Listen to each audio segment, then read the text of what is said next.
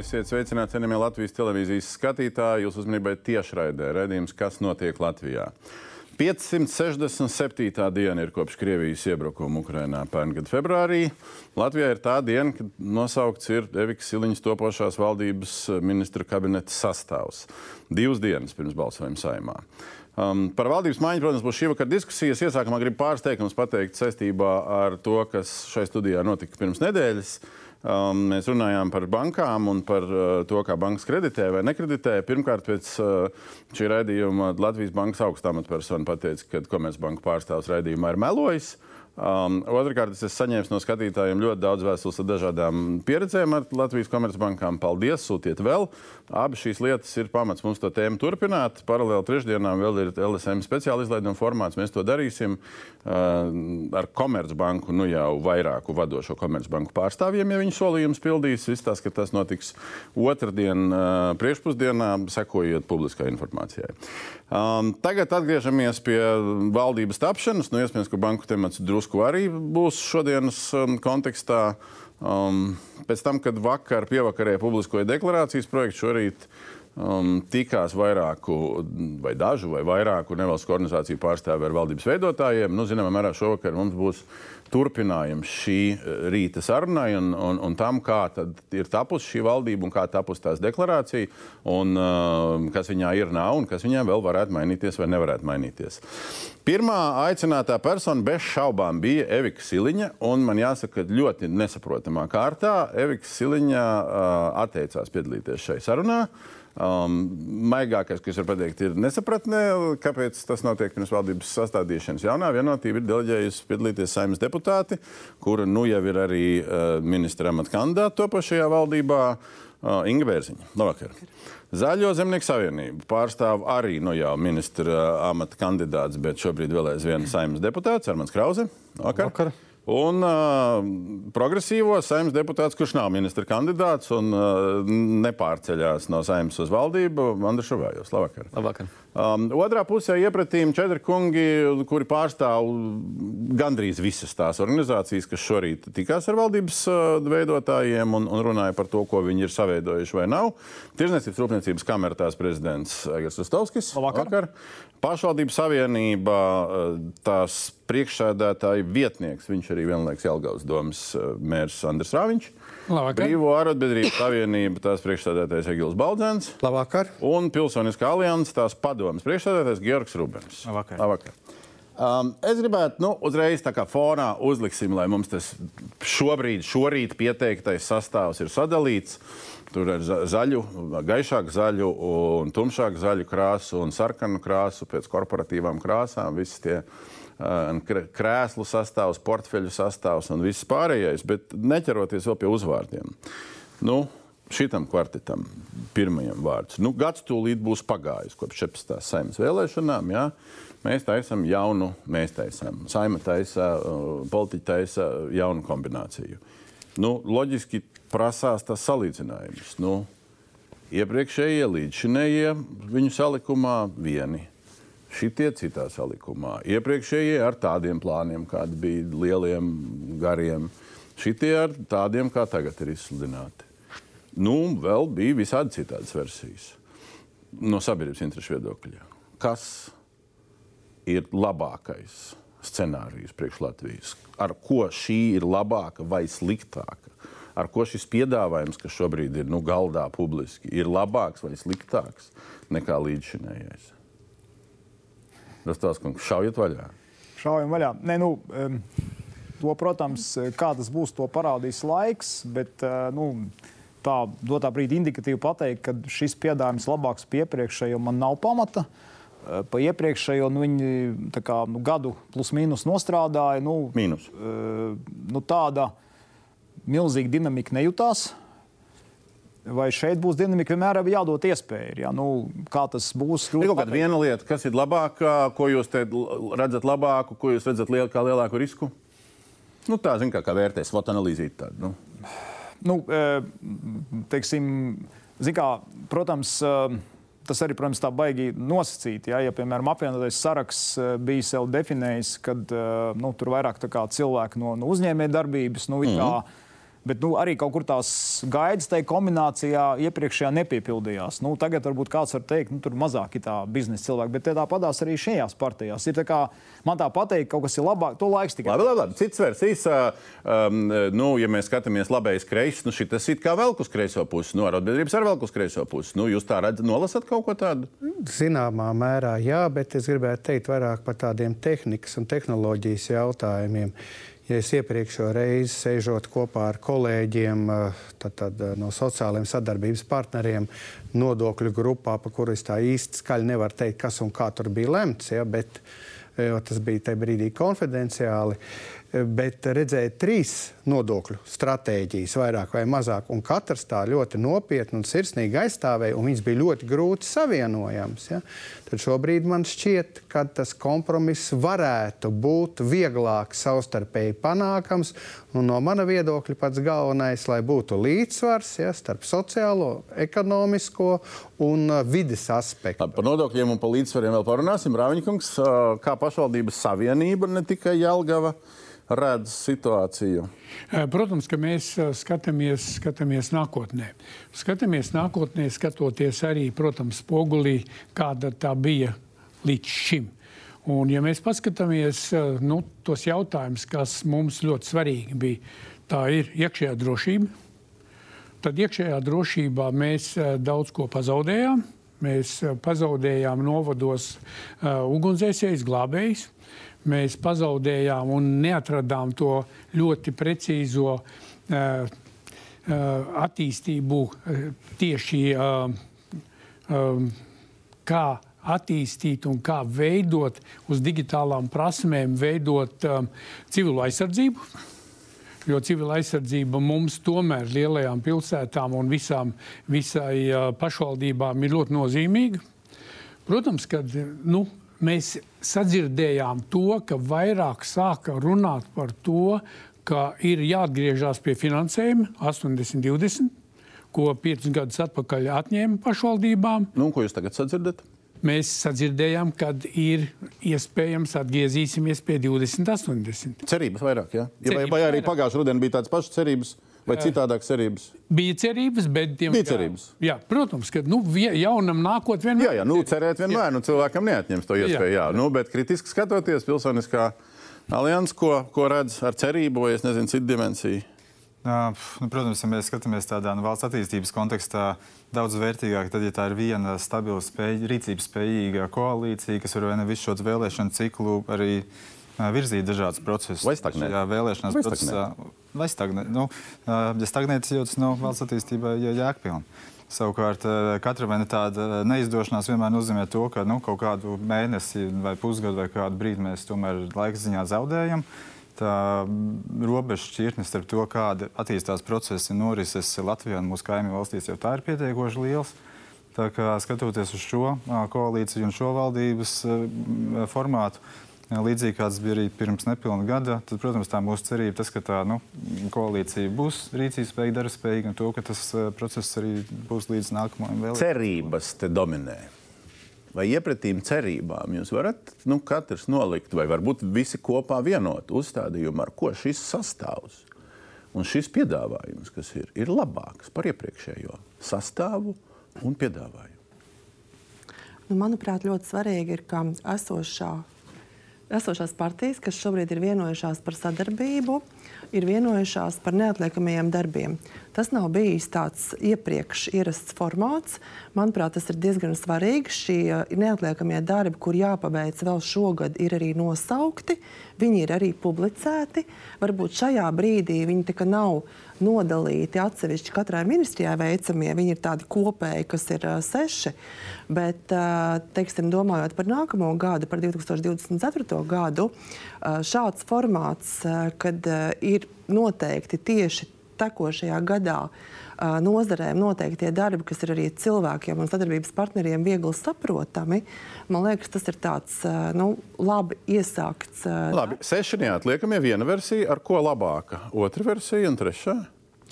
Es domāju, ka mēs esam ļoti labi strādājuši līdz šim kopā un runājuši. Un tā skaitā arī aicinājām vēl divas partijas pievienoties teikt, piecām partijām. Ko aicinājāt, tas cits lietas. Šis, nu, darbs, šis darbs, kas notika kopā, viņš tiešām bija ļoti, teiktu, efektīvs. Mēs pa daudz ko varējām vienoties. Un tas, kas ir nākotnē, ko mēs noteikti darīsim, lai būtu labāk, ka nevis mēs kasāmies uz vietas un ejam uz priekšu, bet vienkārši ātri vienojamies un izdarām tos darbus, kas ir jādara. Un te, mēs nezinām, kas un, un, uh, Jautājums, ar ko labāk tas, šobrīd? Tas ir mūsu mērķis, un ņemot vērā, kā mēs arī šobrīd mēs neuzkaramies uz kaut kādu problēmu ilgu apspriešanu, es domāju, ka tieši tāds pats mūsu mērķis arī vienkārši darbus ātrāk veikt. Piemērs ir, piemērs ir tie, tie seši uzdevumi. Tie mēs paiesim tuji cauri, te mēs pa viņiem padiskutēsim, bet uh, trešais variants? Es teiktu, ka šī ir pirmā uh, patiesi kreisi centriskā valdība kopš neatkarības atjaunošanas. Pirmā kreisi centriskā centriskā. Jā, kas, es domāju, ir ļoti labas ziņas Latvijas sabiedrībai. Šajā nu, 90. Brīdī... gados tur viens otrs veidojums bija arī baigi tur tādā tāpēc pašā saku, virzienā. Tāpēc jau saku patiesi. Bet es arī vēlos norēģēt mazliet arī uz to, kas tika teikts pirms tam, jo, manuprāt, šīs tomēr arī ir kopumā, manuprāt, labas ziņas pilsoniskajiem un sociālajiem partneriem. Jo vismaz runājot no progresīvo perspektīvas, arī mums ir vairāk uzņēmēju partijā. Mēs arī runājām ar Stāvus kungu pirms raidījuma. Es uzskatu, ka mums ir par ko runāt, un varbūt mums atšķirās bieži vien skatījums uz to, kā attīstīt ekonomiku. Es redzu, ka mēs strīdēsimies par lietu. Es uzskatu, ka pilsoniskajai aliansē šīs ir ļoti labas ziņas. Mēs pilsonisko dialogu uztversim ļoti. Paliksim pie tā, ka kreis centriski, un tad pēc brīža pastrīdēsimies, kā tas izpaužās tajos 6 un 3, 9 punktos. Uh, uz šī fona pirmpublicējums šovakar mēs pagājušajā nedēļā pasūtījām SKDS um, socioloģiju. Pagājušās nedēļas otrā pusē ir aptaujāti tradicionālie tūkstoši un, un, un daži cilvēki par to, kura koalīcija labāk. Iepriekšējā šī uztapusī vai vēl cita. Rezultāts ir sekojošs. Jaunā koalīcija dabūna 19%. Tas ir nopaļojot komatus. Iepriekšējā koalīcija drusku paliek, lai gan viņi stāstīja, ka viņa ir labāka, publika nesaka, viņi dabū 16%. Bet vairāk kā divas reizes lielāks atbildības variants ir 41%, kāda cita koalīcija. Nu, vēl katrs ceturtais gāja prom no tā jautājuma, tas grūti pateikt. Nu, ko jūs varat pakomentēt par šo? Nu, nesat jūs ar 19% iepratīm jūsu rezultātiem, ja vēlēšanu. Nu, nu, nu, nesat pārdevuši savu stāstu. Jā, bet nu, jūs to redzējāt, kā Evika Siliņa īstenībā izdarīja ļoti daudz, lai piesaistītu vairāk partijas, ne tikai trīs. Arī kā Kratis neizdarīja. Minēja, nu, neizdarīja. Uh, nu, bet vēlme bija, ja partijas pašas izvēlējās nestrādāt, tad tā ir šobrīd viņa izvēle. Un man gribas izteikt cerību, ka šobrīd ir 19%, bet varbūt paskatīsimies pēc gada. Skaidrs, ka paskatīsimies. Ja gads paies, jā. Ir kaut kādi komentāri par šiem skaitļiem? Nu, nepārliecina tas, nepārliecina.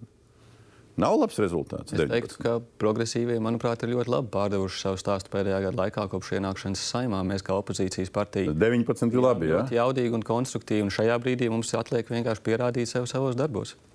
Krauskungs 19 ir kaut kas labs. Nu, labāk kā 16. Labāk kā, labāk kā 16 ir baigā atšķirība. Baigā, nu, tāda vilna. Pats labākais būtu tas, ko mēs uzskatījām, un mēs tiešām arī Zaļo un Zemnieku savienību uzskatīja, ka vajadzētu būt plašai koalīcijai, pieci partiju, un to varēja vienoties. Labi, ja nevarēja pieci, tad vismaz četri. Un mēs iespēj, zinām visus tos argumentus. Bija visas, un mēs, mēs kā Zaļie un Zemnieki, mēs nekādas sarkanās līnijas nevilkam. Mēs tiešām uzskatījām, ka tas būtu labākais jā. Latvijas valstī. Jā, bet mēs redzam, ko saka vismaz nu, socioloģiski šī, šī struktūra. Nu, ir kaut kāds šai pusē, kaut kāds domas par šo. Ir domas, ne, nu, šī aptauja parāda, faktiski matemātiski 65% tas ir gandrīz divas trešdaļas. Jā. Jo sabiedrībā ir gaidas par šīm pārmaiņām. Kāds ir konteksts? Konteksts ir tas, ka beidzot ir saprast, ka mēs atpaliekam no kaimiņiem. Jo agrāk, pirms kādiem trim gadiem, nu, kaut kā tur visādi kaut ko runāja, bet nebija. Šobrīd ir uz galda. Tas visas sabiedrība to saprot. Un tās gaidas ir patiešām citu ātrumu, citām kustībām, konkrētiem lēmumiem. Tā ir tā centrāla lieta. Un, un tas to... liecina, ka šī versija lielai publikas daļai nav ātrums. Un, un, un patiesībā arī nu, nākot uz redzējumu, nu, e, te jau kolēģis teica, nu, ir tā sajūta, ka bija tā muļāšanās, jā, nu, kas saka, tā pirmā, pirmā valdība, jā, tagad viss tas pārējais periods, un, un, e, nu, kas saka, un tad šobrīd ir tās likmes ir augstas. Un, e, un es domāju, ka šeit vairs nebūs atļauja simts dienas ieskrieties, jo bija solījums, mēs sanāksim, būs cita dinamika. Līdz ar to es domāju, ka šai valdībai ir, nu, nezinu, tajās simts dienās jāparāda ļoti konkrēti rezultāti, lai sabiedrība kaut ko sajust. Ja tas netiks izdarīts, nu, tad, tad nebūs labi. Vēl īsts piebildes par šo uh, socioloģiju? Gribētu teikt, tā tas nozīmē to, ka principā lielākā daļa domāju par četru partiju droši vien. Tāda mana versija ir koalīcija. Tur varēja būt dažāds sastāvs, ja, kā nu simpātijas tur sadalījās konkrētiem aptaujātiem cilvēkiem. Bet tas bija tas, jo piecu partiju koalīcija tas būtu ārkārtīgi skaisti, bet tā jau būtu arī tāda, kur jebkurā brīdī. Vai tas būtu skaisti? Tur ļoti domas dalās. Nē, satversmi jau grozīt varētu un visu ko, ja, bet es domāju, būtu pārmērīgi. Labi, uh, mēs vēl mē, mēs šito nopublicēsim arī LSM portālā, un tur varēs studīt, studēt detaļas. Šitien ir dažas detaļas, es vienkārši pateikšu, un pēc tam to var pētīt. Uh, jo te ir nu, sīkāks dalījums. Vīriešiem drusku vairāk patīk, sievietēm drusku mazāk jaunā koalīcija. Uh, jaunākiem cilvēkiem, nu, 18, 24 grupā visvairāk, pēc tam arī 25, 34 vairāk, un pēc tam tas atbalsts samazinās. Uh, kas interesanti, Krievijas sarunu, sarunu valoda ģimenē ir lielāks atbalsts jaunai uh, koalīcijai nekā, nekā Latviešu sarunu valoda ģimenē. Uh, no ienākuma viedokļa tur var redzēt, ka nu, zem ienākuma mazāks atbalsts, augsts lielāks. Un vēl tur tāda interesanta vieta, Rīga un Lauka baigi neatšķirās, bet, bet ļoti zems salīdzinoši. Protams, ka tur ir tā grupa maza, bet, bet, bet ļoti zems pret, pret citām vietām ir vidzemes atbalsts. Ja? Zemgals nav, vidzemes ir. Um, šādi bildīti. Um, atgriežoties, pie, uh, atgriežoties pie satura un pie tā, kuras tos kungs te saka, simts dienas nedosim un neko nedosim un tam līdzīgi, tam līdzīgi, es gribētu sākt ar vienu jautājumu trijotnē un, un droši vien, ka visiem pārējiem. Edgars Rinkevičs, sākot sarunu un pēc tam nominējot attiecīgi Siliņas kundzi, teica, aicinu koalīcijas veidošanā izvirzīt konkrētu mērķi līdz 2030. gadam Latvijai sasniegt Eiropas Savienības vidējo labklājības rādītāju nekā tāda. Ne neatliekamos darbos, ne deklarācijā, viņas 39 punktos mēs neatrodam. Kāpēc? Nu, es nezinu, kādu vārdu lietot. Nu, nu, nu, ja neuzmetāt Rinkeviču, nu, tad vismaz katrā ziņā nu, nedarījāt to, uz ko Rinkevičs aicināja. Es varbūt teiktu, ka tā ir godīga, godīga attieksme, godīga atbilde. Kādā ziņā? Nebūs. Kas nebūs? Ne, nu, tas, tas izaugsme nebūs. Ne, ne, tādu mērķi nevajag stādīt. Vajag. Mērķis jau labs, mērķis jau ir labs, bet, bet vai tas būs sasniedzams? Nē, Nē tuvināties vajag. Te es, iebilstu, te es iebilstu. Stāsts ir tomēr nu, nu, pēc kritērijiem. Uh, īrijas pieredze un īrija ir Eiropas Savienības valsts 15 gados no nabag, nabadzīgas Eiropas valsts ir top 2. Tas ir iespējams. Un mēs no savas puses prasām šo ambīciju. Jo par to tika runāts, ka būs dinamika, būs ambīcijas. Es šajā gadījumā, labi, tur var runāt par detaļām, bet šis ambiciozs uzstādījums vajadzīgs. Te nāk galā nu, sportisti. Nu, Hokejā, bronza, basketbolā var to izdarīt. Vienkārši ir jāsaņemās. Mēs pašvaldības esam gatavi. Kāpēc? Mēs pašvaldības esam gatavi. Kāpēc jaunā koalīcija neiet šādu ceļu, neizvirs tādu mērķi? Es nevaru piekrist jūsu uzstādījumam. Es domāju, tieši pretēji prezidenta teiktais ir bijis kā vadmotīvs visas šīs deklarācijas tapšanā. Kurā Tas, punktā? Kurā punktā visos, mēs ieraugām? Praktiski Kur? visos punktos. Kurā punktā ir sasniegta Eiropas Savienībā punkti. kaut kāda augstāka līmeņa nekā pašreiz? Tas, ka nav minēta tieši šāda vārda, tas nenozīmē, ka deklarācijas teksts un punkti netiek uz to virzīti. Tieši pretēji, ja jūs uzmanīgi izlasīsiet tos kuru punktus, punktu, kuru punktu jāizlasa, kurš, kurš man liek domāt, ka mēs šito virzīsim? Labklājība, lab, labklājība, kurš labklājība Sauc, sauciet numuru. Visi pēc kārtas. Tieši principā kopumā virzās uz prezidenta noteikto mērķi. Jā, tikai neierakstījām kaut kā. Virzamies uz nu, mērķi, bet neierakstījām. Jūs tagad piesienaties konkrētiem vārdiem. Uh, Kuriem vārdiem es piesienos? Nu, tam, ka nav atsauksme uz uh, prezidenta, nav ierakstīts tieši prezidenta teiktais. Jā, nu es pateikšu jau... īsi. Uh, protams, atšifrēt var, bet tie ir tādi vispārīgi vis, vispārinājumi. Es arī jau minēju to sociālais, ekonomiskais, vides aspekti līdzsvarā.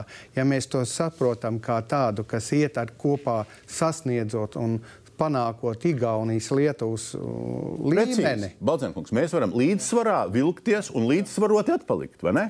ne Pamierīgo. Arī, bet arī varam tu samazināt to handikapu. Jūs atrodat šajā deklarācijā? Tādu tieši nē, tāpēc es mēs arī? runājam par rīcības plānu arī. Ne, bet Nē, nu, bet deklarācija ir konceptuāls dokuments. Domburkungs, jūs uh, tikai pievēršiet prezidenta teiktā pirmai daļai, kur ir gads 2030 minēts, bet jūs lasiet tālāk, pievēršot īpašu tā, tāda, Jā. uzmanību Jā. izglītībai, zinātnē, investīciju iesaistē mūsu valsts reģionālās un ekonomiskās nevienlīdzības mazināšanai. Tas ir iekšā šajā deklarācijā. Un faktiski tur ir praktiski viss, ar izņēmumu, ka tur nav uh, pirmā, pirmā daļa. Tikai pirmā, Arī neatzīst. Jūs arī neatzīstat, jā, ka, ka mēs Mēs esam strādājuši, lai tas tā Tieši teiktu- tā, tieši es- deklarācijas iekļauts. Es teiktu, ka nu, vismaz no progresīvo puses, tomēr, manuprāt, ir ie- ienestas ļoti daudzas ambiciozas lietas.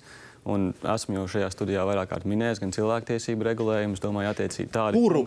Tādi Nu, vismaz punkti, jūs nosauciet, piemēram, kurā punktā ir uzrakstīts, ka mēs to atpalicību mazināsim. Kur tas ir uzrakstīts? Nu, tas ir jāskatās šādā, šajā kontekstā, tas tomēr ir jāskata ko, kontekstā.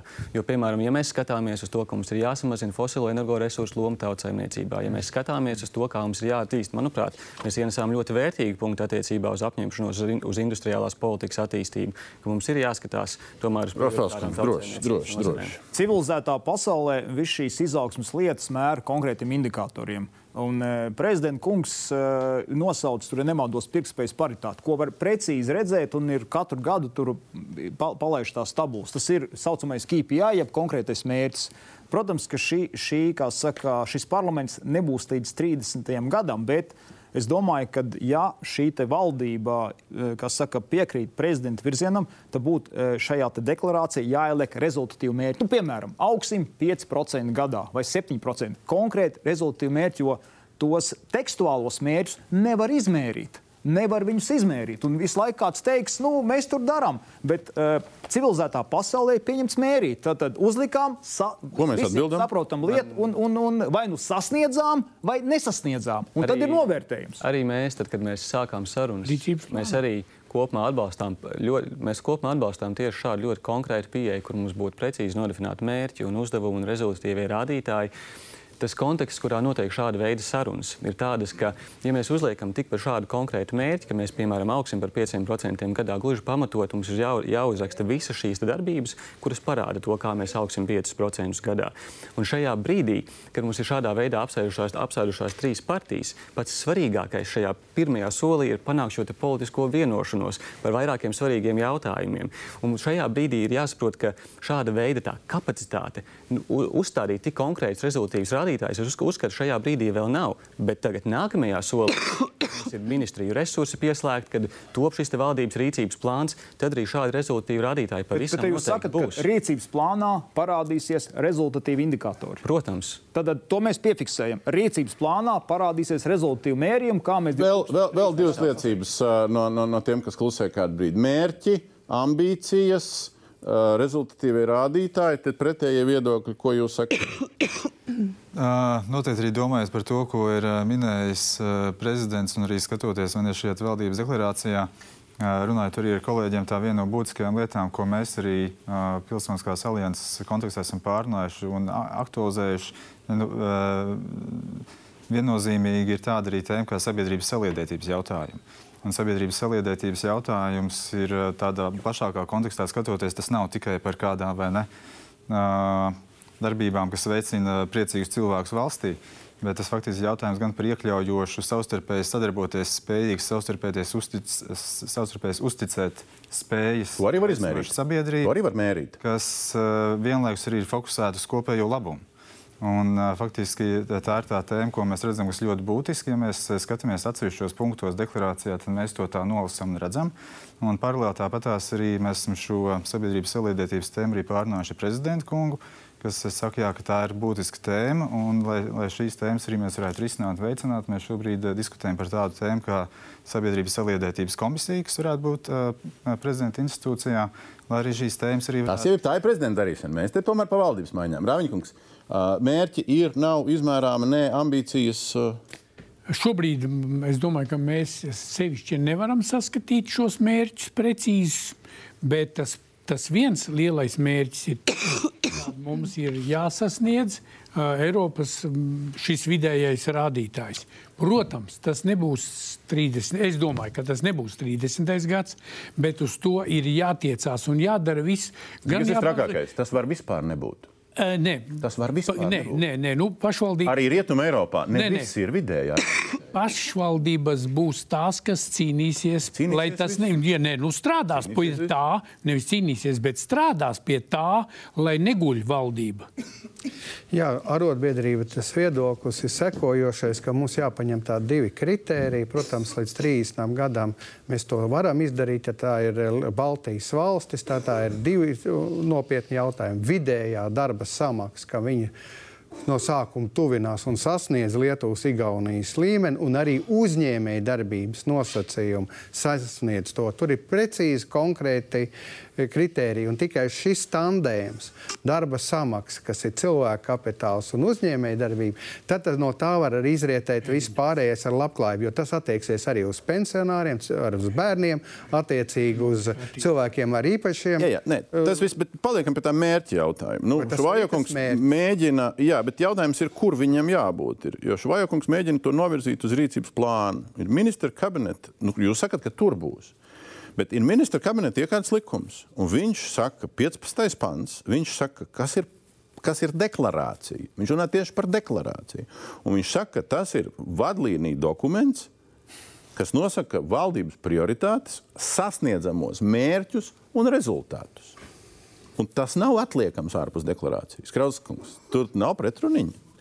Mēs eh, šoreiz eh, deklarāciju veidojot un kopīgi strādājot, izvēlējāmies citu, citu modeli. Mums nav 300 un cik punktu, kā mēs runājam raidījuma sākumā. Šajā deklarācija viņa ir kompakta un viņa tiešām ietver vairāk tādas kā vadlīnijas un vīziju. Un, eh, man liekas, ka šī pieeja ir atšķirīga no visām citām reizēm.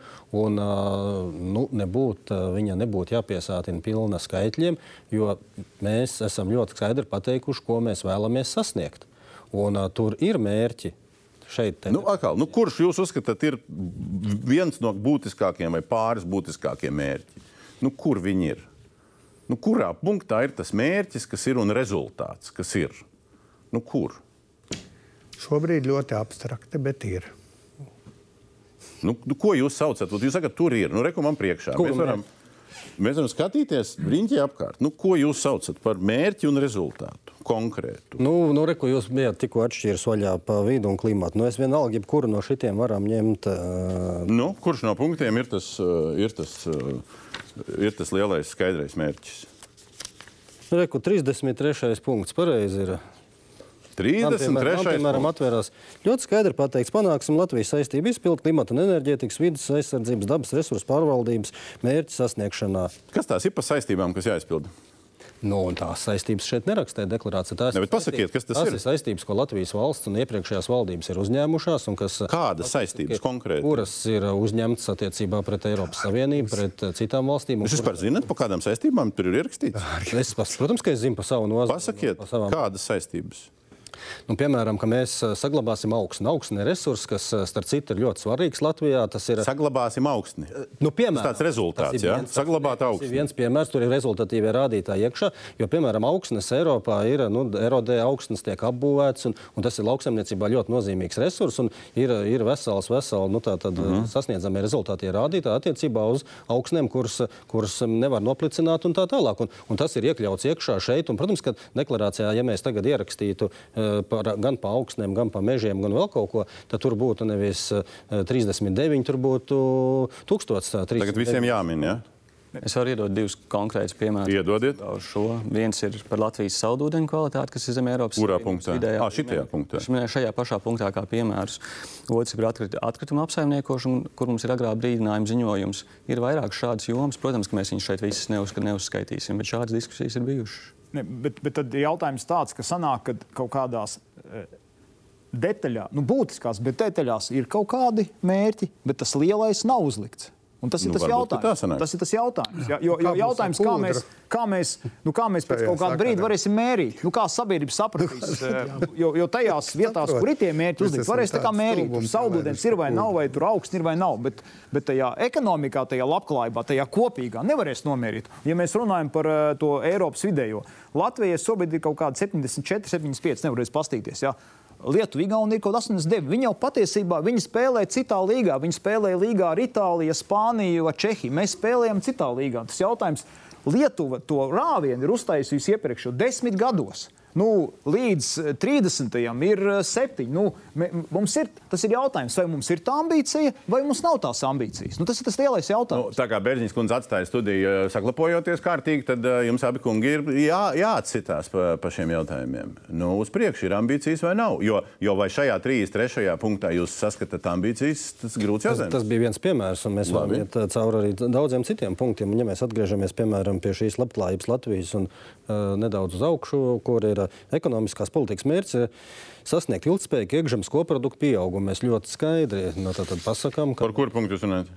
Tas nav punkts, tas ir uh, pirms uh, 23. patinieka. À, nu vis, vi, vispār ilgspējīgs pieaugums. Kāds, cik liels tas nav? Tam nav nu, prasītos tomēr kāds. Nu, kaut kur nu, kāds ir tas, kāds ir tas cipariņu vajadzētu, kādu cipariņu vajadzētu Jā. ierakstīt. Nu, tad, tad sākam tagad, Bērziņš kundze mums ir apakaļ, uh, uh, viss kārtībā. Uh, tad tagad sākam ar tiem sešiem punktiem. Ja? Tie seši punkti ir tas, ko, ko, ko mēs nu, sākumā tika pieminēts kā labums, ka viņi ir uh, nu, īstermiņā. Pasaliedēt sabiedrību un neko tam līdzīgu nav, bet ir runa par to, ka līdz 31. decembrim ir šie seši punkti. Uh, nu, kas ir elektroenerģijas. Nu, paiesim ātri vienkārši pa tiem punktiem. Eh, kas te ir? Elektroenerģijas tarifu, tātad gan pašvaldībās, gan, gan arotbiedrību ļaudīm, gan uzņēmējiem, gan jebkādai pilsoniskai sabiedrībai. Ja? Eh, tarifu pieauguma daļēja kompensācija. Bet vēsture rādīja, ka nebija, piemēram, nevalstiskam sektoram, nebija šī kombi. Bija mājasemniecībai un atsevišķiem uzņēmumiem, kuri bija energoietilpīgi. Ja? Tā ir jautājums. Tas mans jautājums. Jūs, jūs saprotat, Rāviņkungs, jūs saprotat, kas ir uzrakstīts daļēja kompensācija? Es domāju, ka jūs šorīt eh, kaut ko uzzinājāt vairāk? Es domāju, ka šobrīd ļoti svarīgi ir tas, ka nu, sociālā, sociālā sfēra, sociālais pabalsts, sociālā atbildība. Nu, tagad mēs no Latvijas energo peļņas kā mē, kaut kam daļēji. Bet es jums tagad pateikšu piemēru. Mēs, piemēram, slimnīcu pieslēdzām šajā vasarā pie pilsētas tarifiem. Slimnīca jau šobrīd ir ar ļoti zemu tarifu. Nekādas kompensācijas viņiem nav paredzētas. Jo viņiem jau tas tarifs ir zems, bet tas, ka viņi ir ieguldījuši naudu, lai to visu panāktu, viņus vairs tas neinteresē. Nu, tad ir jautājums. Līdz, līdz ar to ir jautājums kompensācijas. Nu, kādā veidā mēs saprotam ar kompensāciju? Labklājības, Domāju... enerģētikas ministri, ministrība uz ESM. Kam, ko, cik, ko mēs saprotam zem kompensācijām? Tātad mm, šo tarifus pārrēķinot, ko, kas ieguva? ieguva lielie energoetilpīgie uzņēmumi. Jo tas, kā bija, nu, tas, kā arī tos regulātors un, un skaidroja, ka tad, tad viņi faktiski maksāja par pāriem. Šobrīd uh, viņi ir aprēķinājuši, tos tarifus ir rēķinājuši, un tas mums nozīmē, ka jāpalīdz tiem, kuriem viņus vairāk ir cēlušies. Tam daļai tām, tām iedzīvotāju grupām mums ir jāpalīdz Un tāpēc nevis pilnīgi visiem, bet tādiem iedzīvotājiem. Nu, bet ir konkrēta atbilde daļai kompensācija vai nav? Čudara vadītā ministrija šobrīd ir iznākusi ārā ar kaut kādu versiju. Jums būs cita viņa, versija? Viņa, mums būs versija, un mēs esam vienojušies, ka tas ir pirmais darbs, ko mēs izdarīsim.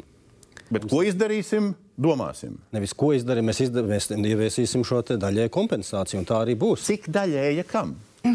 Tām, tām grupām, sociāli jūtīgām grupām, kurām visvairāk ir vajadzīgs tieši tāpat. Aizsargātie lietotāji jau ir tāpat, palielināts viņiem. Tieši tāpat kā bija.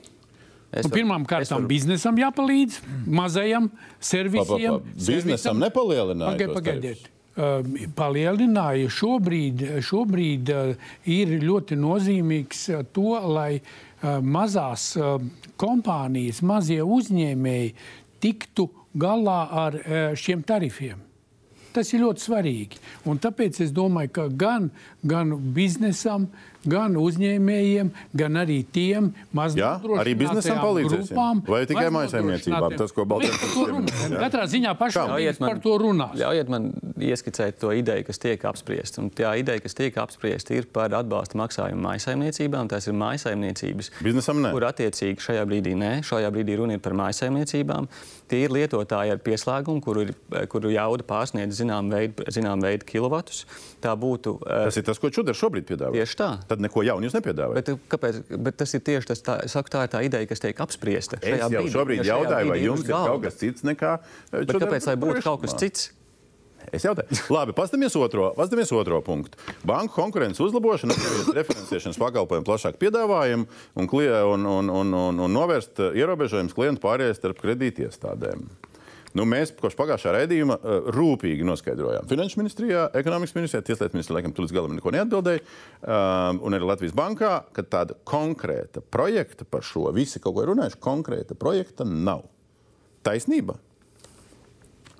Nu, Mums ir konkrēta vienošanās, ka mēs to izdarīsim, un tas būs pirmais. Ko darbs. jūs darīsiet? Bet mēs, Dombūra kungs, mēs konkrēti. Nē, nu jūs taču esat visu vasaru runājuši. Es labprāt iedošu pāris atbildes gadījumā. Vismaz tās idejas, kas šobrīd arī tiek skatītas budžeta komisijā, protams, ir par to iespēju, ka attiecīgi, attiecīgi kredītņēmējiem vieglāk pārkreditēties no vienas finanšu iestādes, no vienas kredīta iestādes uz otru. Vēl uh, tiek skatīts šobrīd citu valstu pieredzes. Uh, viena pieredze, kas šobrīd, šodien vismaz izskanēja budžeta komisijā, bija Polijas pieredze, kur pastāv iespēja, ka iedzīvotāji var paņemt kredītu brīvdienas, kur attiecīgi šo kredītu brīvdienu laikā, piemēram, viņi var nemaksāt ne procentu likmes, ne arī pamatsummu uz astoņiem mēnešiem, pusotru gadu laikā. Tā ir ideja, kas izskanēja. Attiecīgi, tas ir uz kredītu iestāžu rēķina. Tā ir ideja, kas izskanēja, bet šīs idejas izskan. Šajā brīdī, protams, konkrēti Tas ir diezgan vienošanās nav. kreisi. Centriski pat. teicu. Kreisi, jā, jā. Es gribētu aptvert abus jautājumus. Pirmkārt, par uh, sadalījuma tīkliem. Mēs uzskatām, ka kopumā šis lēmums bija pareizs, jo agrākajā laikā vienkārši par sadalījumu pamatā maksāja biznesa iedzīvotājiem mazāk. Uh, Tā pārvirzījās tas svārs uz pareizo pusi, un mēs piekrītam, ka vajag atbalst, atbalstīt tos iedzīvotājus, tos slāņus, kuriem tas ir pa smagu, tas ir, tas ir pa to stāsts. Otra tēma, ko varētu parunāt enerģetikas ministrijā. Par tiem līgumiem, ko biznesa noslēdz, to saucamos cietos līgumus, kuriem kuri pārmaksā, tur ir kaut kādi 700, 800 uzņēmumi. Jo patiesībā enerģetikā vajadzētu ieviest līdzīgu konkurenci, tā kā mobilos sakros, ka tas klients var intensīvāk ā, no viena pārvietot. So tas ir stāsts par reālu konkurenci. Ja? Tas ir, tas ir tas stāsts. Tas ir vairāk tāds labējs stāsts. Jā, bet jūs jau būtībā runājat tādās pašās frāzēs. Jā, nu, šī, šī tēmā ir, nu, kā saka, ir, ir, ir kā saka, savstarpēji saprat par, par sadali, jā, par enerģētiku. Ja runā par, par banku sektoru, tad tur ir tā kā divas lietas. Nu, vislabāk risina konkurence, jā, tad, tad eh, vai nu ir jāievelk iekšā, un tas ir politiķu uzdevums kādu citu spēlētāju, jo tajā pašā brīdī, kaut vai kad citadela ienāca tirgu īsu brīdi, tur bija, bija agresīva kustība, bija kaut kāda kustība. Ja, teiksim, eh, ja tas nenotiek, tad acīm redzot, valstī pašai jānodarbojas ar to saucamo development banking, jeb attīstības ba- banku. Tas ir vai altums vai kaut kas Tas ir diezgan kreisi, jā. Jo, jo, jo, ne, nu, jo, jo fakt, ta, tajā momentā veidojās, nē, ta, tajā momentā, vei- jo tajā momentā, Domarkungs, tajā momentā veidojās tā tirgus kļūda. Tad, tad vai nu to var izdarīt tirgus, daudz, eh, kā saka, ar konkurences palīdzību tās cenas regulēt un tos pakalpojumus. Jā. Ja kā saka, tas nav, tad eh, veidojās zināms monopols, eh, bankas un jebkurā vietā viņas uzurpēja. Un tad, Un bija mums vienreiz tāda Latvijas hipoteka un zemes banka, un mēs Es, jau es, es, grābekļiem es jau personīgi neesmu baigais fanāts tam, jā, bet, bet tā mēs ir tā būsim realitāte. spiesti atgriezties pie uh, mūsu pašu valsts finansēšanas instrumenta. Un altums, altums varētu Viņi būt nesaka, ka vēlos, viņi nē. sēž un klausās. Jā, jā, bet, bet mēs, Mēs piekrītam. To, kas, Piekrītat šim visam? bet, bet mēs sakām, ka tas piekrītat? būs vajadzīgs. Cita Lielā mērā jau nebūs. piekrīt. Būs vajadzīgs. Progresīvie tam piekrīt. Ne, optimāli būtu tirgus, bet, ja nav, ja tirgus nestrādā, tad, tad ir, jā, tad ir tā tirgus. Tad ir tā tirgus eh, Labi, uh, pārlecam vēl par nākamajiem punktiem, un, un, un, un tad vēl drusku par personālajām un deklarācijām. Atkal te šurp turp mums jāpasteigā. Nu, labi, banka peļņas nodoklis, nu, vai tas UIN avans, nu, it kā ir tas pats. Tālāk mums aiziet Stambuls konvencija un uh, nostiprināsim pāri kopdzīves regulējumu. Nu, pirms pāris nedēļām šajā studijā bija skaidrs, ka līdz galam nav atbilžu, vai visi piekrīt Taiku Eviks Siliņas, kā labklājības ministrs redakcijai par Stambuls konvenciju, vai visi trīs piekrīt tam, ko Tieslietu ministrija ir izstrādājusi par partnerattiecību regulējumu, tikai publiski nav parādījusi. Mēs esam skatu soli uz priekšu. Šobrīd mums ir vienošanās. Par ko? Nu, tā, tieši tā kā šeit mēs esam pateikuši, ka ratificēsim ā, Stambuls konvenciju par Ar atrunām bez likums tāds, kā Siliņa izstrādāja, cits likums. Mēs esam no savas puses aizsūtījuši mūsu redzējumu Siliņas kundzei. Citādāk. Viņa viņas saņēmusi. Es nezinu, par ko jūs runājat. Jo... Ne, viņš ir oficiāli izsludināts projekts jau pirms cik jau kad mēnesi mēs, atpakaļ. ā, mēs esam ā, ļoti skaidri no savu pozīciju nodefinējuši. Mums, ā, protams, ka ir svarīgi, lai tas atbilst Latvijas satversmē un ir šīs satversmes vērtības iekļautas iekšā. Un šī gadījumā, tad, tad, ko ir runa? Turpināsiet skaņot. Mēs esam jau iedevuši, kāda ir mūsu pozīcija. Jā, jā jūsu pozīcija, bet kopīgu pozīciju turpināsiet skaņot. Jūs ļoti labi ziniet, Dombora kungs, ka atrunas te nav iespējams izjot no šīs konvencijas. Interpretācija. Bet pielikt deklarāciju ar interpretāciju, jā. tas to drīkst jebkuru valsts atbilstoši starptautiskai likumdošanai. Un mēs šo interpretatīvo deklarāciju esam sagatavojuši un viņi ir iesniegti. Un Tieslietu ministrijas pakotne ieš, jaunās vienotības tieslietu ministrijas pakotne ir saskaņota ar pārējiem ar partneriem? Partneri ar šo pakotni ir iepazīstināti. Par to ir bijusi kopīga diskusija. Un saskaņojums ir, nav? Es teiktu, ka ir. Jā. Es teiktu, ka līdz šī gada beigām mums ir jāpieņem šāds pārkopdzīves regulējums. Tas par to man vispār nav nekādu šaubu. Mūsu, mūsu, mūsu ieskatā tam ir jābūt tādam regulējumam, kas nodrošina pēc iespējas vairāk tiesības pāriem. Sākotnējais tieslietu ministrijas piedāvājums, mūsuprāt, arī ir pieņemams. Georgi, šitā visā ļoti daudz laika mēs esam patērējuši pēdējos mēnešos un gados par šīm divām tēmām. Jā. Iepratīm šīm tēmām, vai šīs tēmas un citas tēmas, un tā saliedētā sabiedrība. Vardarbības jautājumi nenoliedzami ir ārkārtīgi būtiski, jo uh, diezgan daudz dažādos izglītības projektos uh, ikdienā sanāk darboties ar skolām, skolu vidi. Un tā, tā tendence, ko mēs redzam, ka bieži vien to, ja bērns ir piedzīvojis vardarbību un teiksim, redz, ka tā ir tāda normāls attiecību veidošanas veids, tad uh, ir daļa no jauniešiem, kas attiecīgi šādu pašu rīcības modeli pārnes arī savā ikdienas attiecībās. Piemēram, ja mēs domājam arī par tādu sabiedrības saliedēšanās kontekstu, arī par tām lietām, tad nenoliedzami tas nu, vardarbības uh, izskaušana un veselīga risinājuma pret to, tas ir nu, ārkārtīgi milzīgs. Redzot to sabiedrības diametrāli pretējo skatus, šo tematu un šo konvenciju nu, tur saliedētība tāda nedraud, lai kādas interpretācijas uzrakstītu. Tam es nevaru piekrist šajā brīdī, jau es aizmirsu konkrēto procentu, bet tas procents iedzīvotāju skaits sabiedrībā, kuri atbalsta šo konvencijas ratifikāciju, ir ievērojams. Viņš ir augsts, jā. Polarizācija. Šajā brīdī tas ir pašsaprotams jautājums, kas mums ir jāizdara. Nu, labi, pārkopdzīves regulējums, nu, tur būs nākamā Bet, protams, vardarbība ir ļoti smags temats. Šobrīd skolās viņš ir ļoti smags temats. Un e, pie tā mēs visi kopā esam ļoti spiesti strādāt un arī strādāsim turpmāk. Ļoti. Sesto punktu, Rāviņkungs. Izstrādāt ilgspējīgu izglītības finansēšanas modeli. Nu, pašvaldības uh, visvairāk naudas tērē uz uh, izglītību. Nu, man liekas, ka visas, nu, vai gandrīz visas. Protams. Jūs saprotat šo punktu, kas līdz 31. Es... decembrim būs? Mēs esam noraidījuši šobrīd to, ko ir izstrādājusi izglītības ministrija. Tieši tā. Jo tajā kontekstā nav salikts kopā viss laukums. Mēs tur runājam tikai par vienu tematu - likvidēt skolas. Un, un kādam ir cerības, ka no tām likvidētajām skolām skolotāji ies tagad uz, uz tām skolām, kuras ir palikušas. Mēs to esam izbaudījuši. Divas nedēļas skolotāja iztur un pēc tam projām, jo viņa atnāk uz klasi, kurai ir 30 bērni. To viņi nevar izdarīt. Līdz ar to šobrīd mums ir ļoti svarīgi saprast, kādā veidā mēs nodrošināsim skolotājus ar materiāliem, ar mācību materiāliem, un mēs uzskatām, ka tas ir pats svarīgākais.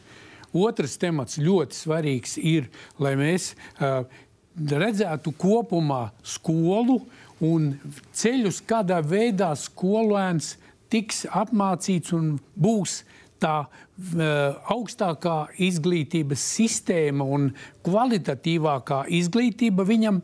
Bet ar to es sadzinu, ka jūs sakat, ka līdz 31. decembrim būtu vēlams izdarīt vairāk nekā modelis finansēšana? Nu, tas ir ne tikai modelis finansēšanas, Jā. tur ir jābūt, jābūt skatījumam. Tur jābūt diskusijai, ļoti lielai diskusijai par to, un viņa jāturpina. Kas līdz 31. decembrim, kāds modelis un kāpēc tikai modelis?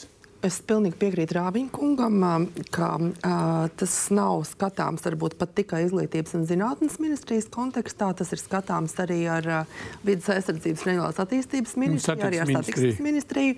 Tāpēc, ka tam būtu paralēli jāskatās uh, arī ceļu programma vai ceļu tīklu sakārtošana. Jāskatās, protams. Arī, kas tas par modeli būs? Skolēna autobus, nu, tas jau ir tas kopējais modelis, kur ir gan skolu tīkls, gan arī tas, kas tiek uh, īstenots attiecībā uz ceļiem novadiem nodos. Bet tad jaunā vienotība ir atzinusi, ka Čakšas piedāvātais, ko pašvaldības savienība ir noraidījusi, ir jāmet miskastē. Nē, tas ir jāpapildina un jāturpina. Jāturpina strādāt pie nu, strādāt. Tur, tur, ir tikai, tur ir tikai viens temats. Tur ir tikai skolu likvidācija, bet tur nav pārējie temati, ka jāsit, kas jāiesaista klāt. Tur jāsaista klāt. Jā, e, šeit es arī gribu izteikties, bet, protams, par augstāku izglītību. Un 26. punkts skan tā: palielināsim izglītības un zinātnes finansējumu, ceļot izglītības un zinātnes kvalitāti un zinātnes universitāšu konkurētspēju.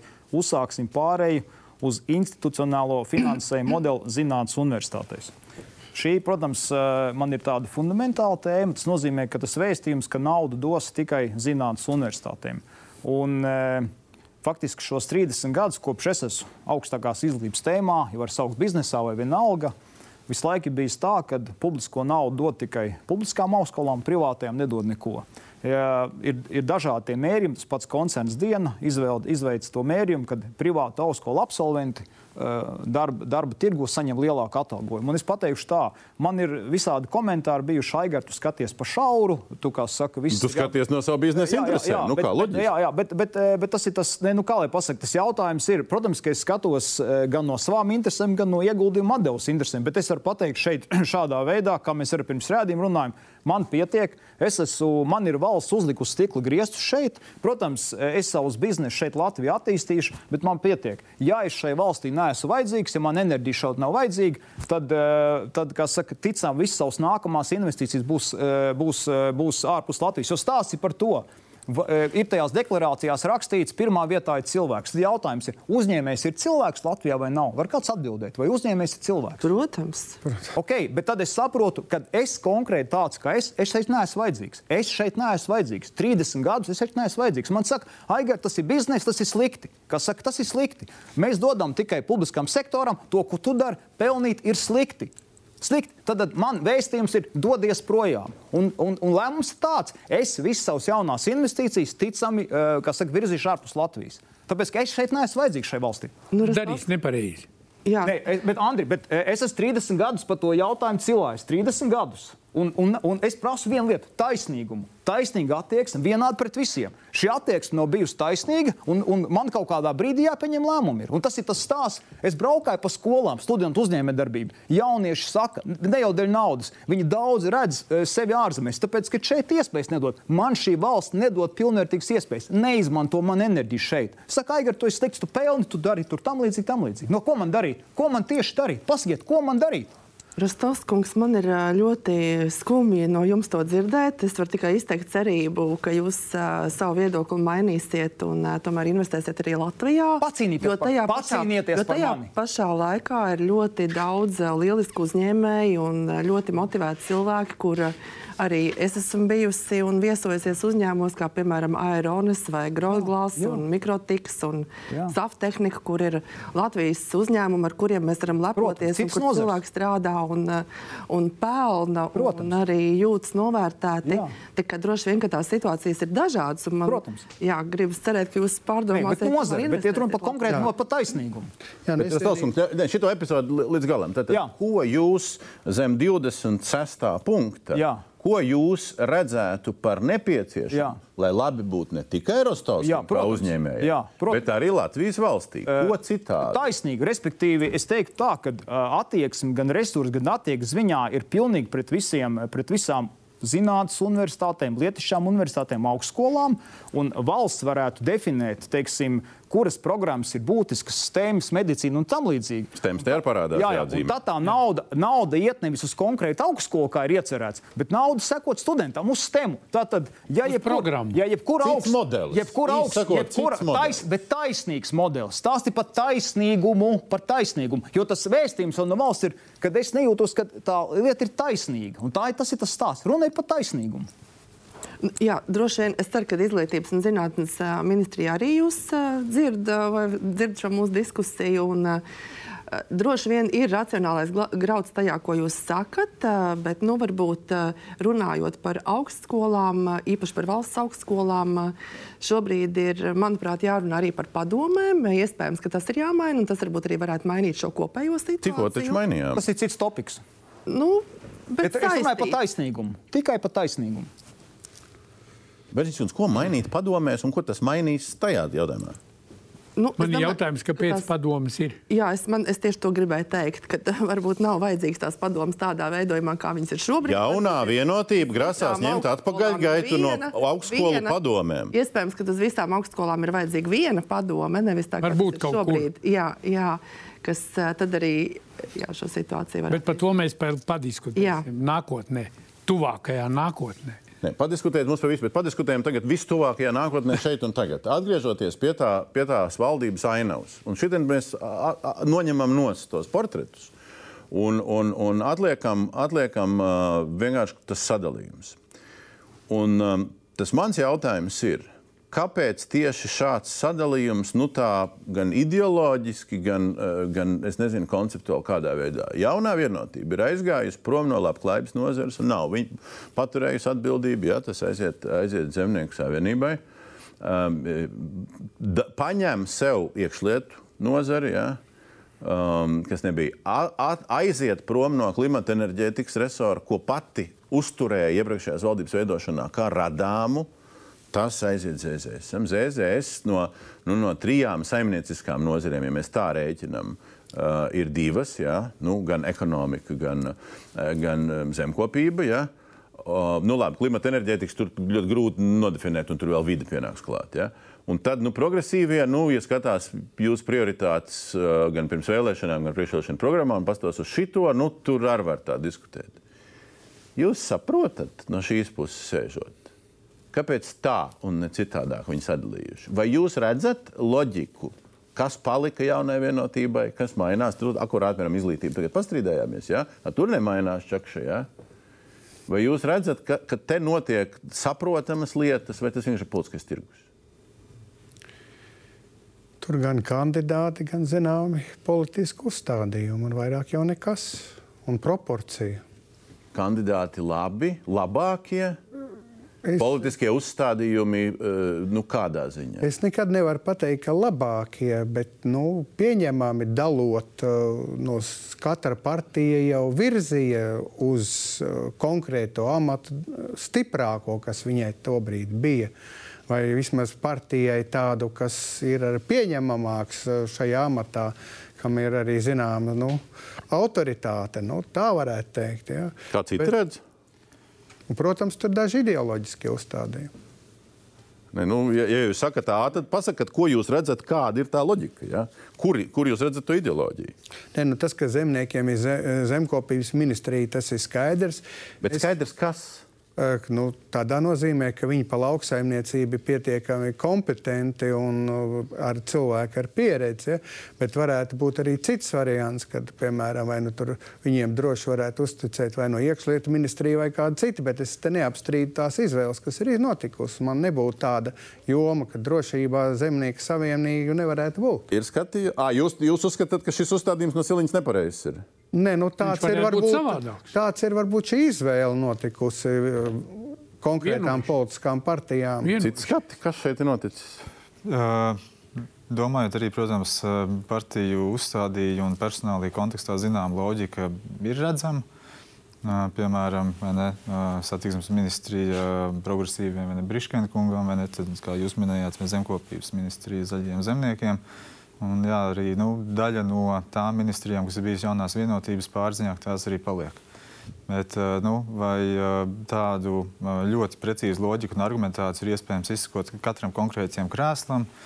Es domāju, ka daļa tomēr procesa paliek arī par to vienkārši raudzīties. Es, es vienkārši tādu no malas. Mēģinām drusku vēl šim tam izsekot. Vai progresīvie, vai taisnība, ka progresīvie atteicās no vissmagākā, nu vismaz pēc iepriekšējās valdības stādīšanas, vissmagākā portfeļa, kas ir veselības ministrijas portfelis, tāpēc, ka neguva skaidru pārliecību no jaunās vienotības šajā gadījumā, kam ir finanšu portfelis, ka veselība tiks pietiekami finansēta.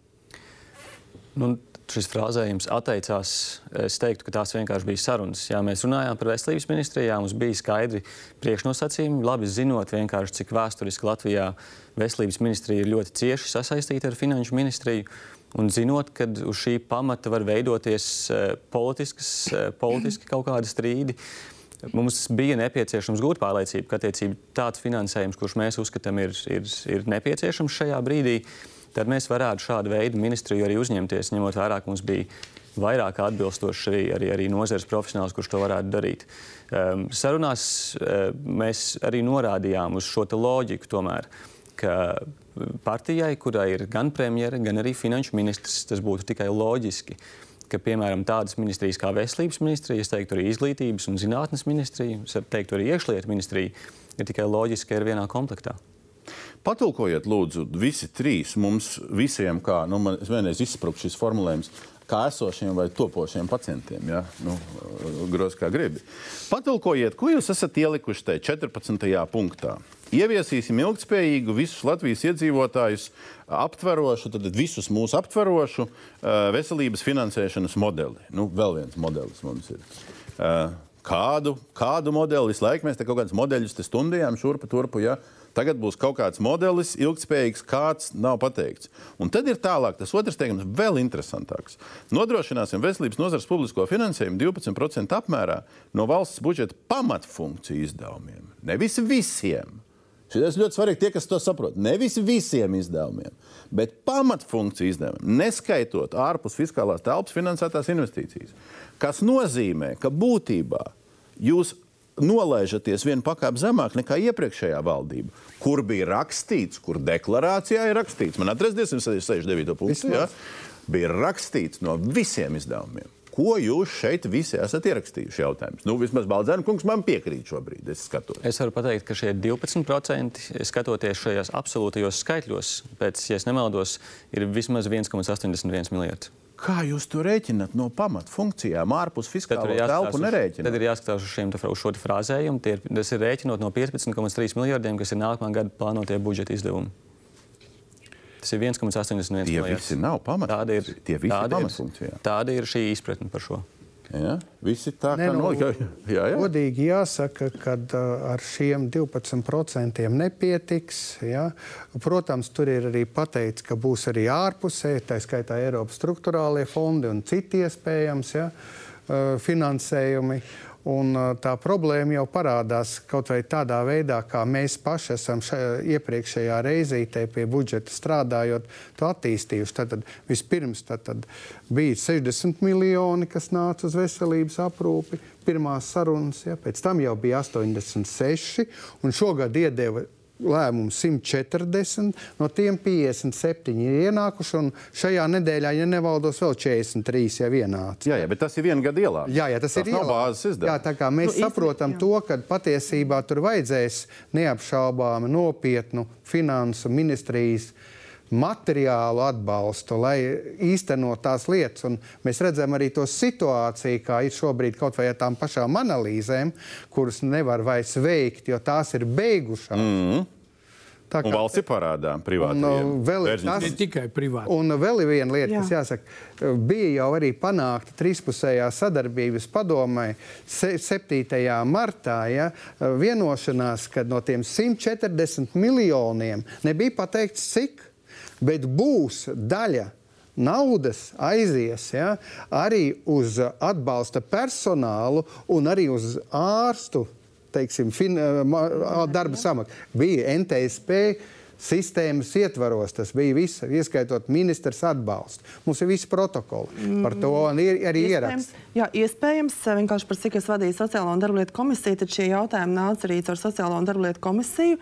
Bet tas, ko es vispirms gribēju teikt, ka uh, pieliekot 140 miljonus eiro veselības aprūpē šogad, uh, kopējais veselības aprūpes finansējums jau būs sasniedzis vairāk kā 12% no valsts Bet budžeta. tas ir šogad, tas nav bāzes finansējums. Viņš nepāriet. Uh, nu, bāzi. tieši tāpēc jau ir ielikts, lai viņš nākamajā gadā būtu kā bāzes finansējums. Tieši tāpēc. Bet mēs Un jau arī teicām, runājāt, tas, ir jābūt tam, jā, lai- tas, bet ko jūs tās runājat- funkcijas jāizpilda. Jā, tas, ko jūs runājat par medmāsām un ārstiem, tad, uh, tad šos Par atbalsta 140, jā, šos, jā, personāls, šos 140 miljonus, kā jūs atceraties, lielā mērā par to iestājās ļoti daudzas organizācijas, tā skaitā Jauno ārstu asociācija, mums- ar, kurām, nu, ar kurām mums bija arī daudz diskusijas. Un tajā brīdī, kad viņi iestājās par šiem 140 miljoniem, viņi bija vienojušies kopā ar pacientu organizācijām. Un kā reiz viņi prasīja vairāk pakalpojumiem. un Bet, bet precizējam Bet vienu lietu. Šito, šito, tur šito jā, mēs vajag, šito ierakstu mēs bet patīsim. vajag, bet vajag, Bērziņš. protams. Vai ar varēja mierīgi tur 10 miljonus vai vairāk protams, ka uh, vajag, arī darba samaksā? kundze, Precizējam, neejam detaļās. Jūs sakat, ka šis nozīmē vairāk kā 1,8 miljardus. Tas ir, bāzes, tas ir kā bāzes finansējums. Un jūs piekrītat? Jā. Viņš ir nofiksēts. Nu jā, eh, skaidrs, ka eh, cilvēkiem šie ļoti būtiski jautājumi - veselības finansējums, izglītības, drošība un tā tālāk. Jautājums ir, no kurienes nauda? Jā. Un, eh, un, un tas, ko mēs sakām, un šodien arī tajā sarunā ar koalīciju, ne līdz galam nolasījās mūsu vēstījumu, jo, ja mēs salīdzinām kaut vai Baltijas valstis, mēs atpaliekam divos būtiskos lietās.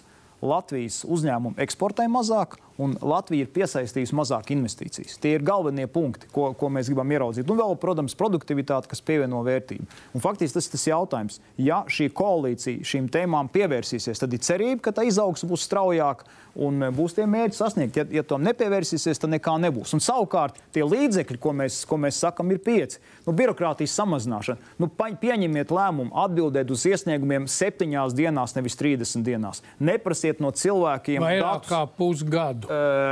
Bet, nu, nu, kas kungs. vairāk kā Jā. Pusgadu. kungs. Jā. Uzreiz pieķeramies. Jūs Jā. sakat, šito Jā. samazināt birokrātiju, ja? Jā. Uh, ejam pa punktiem.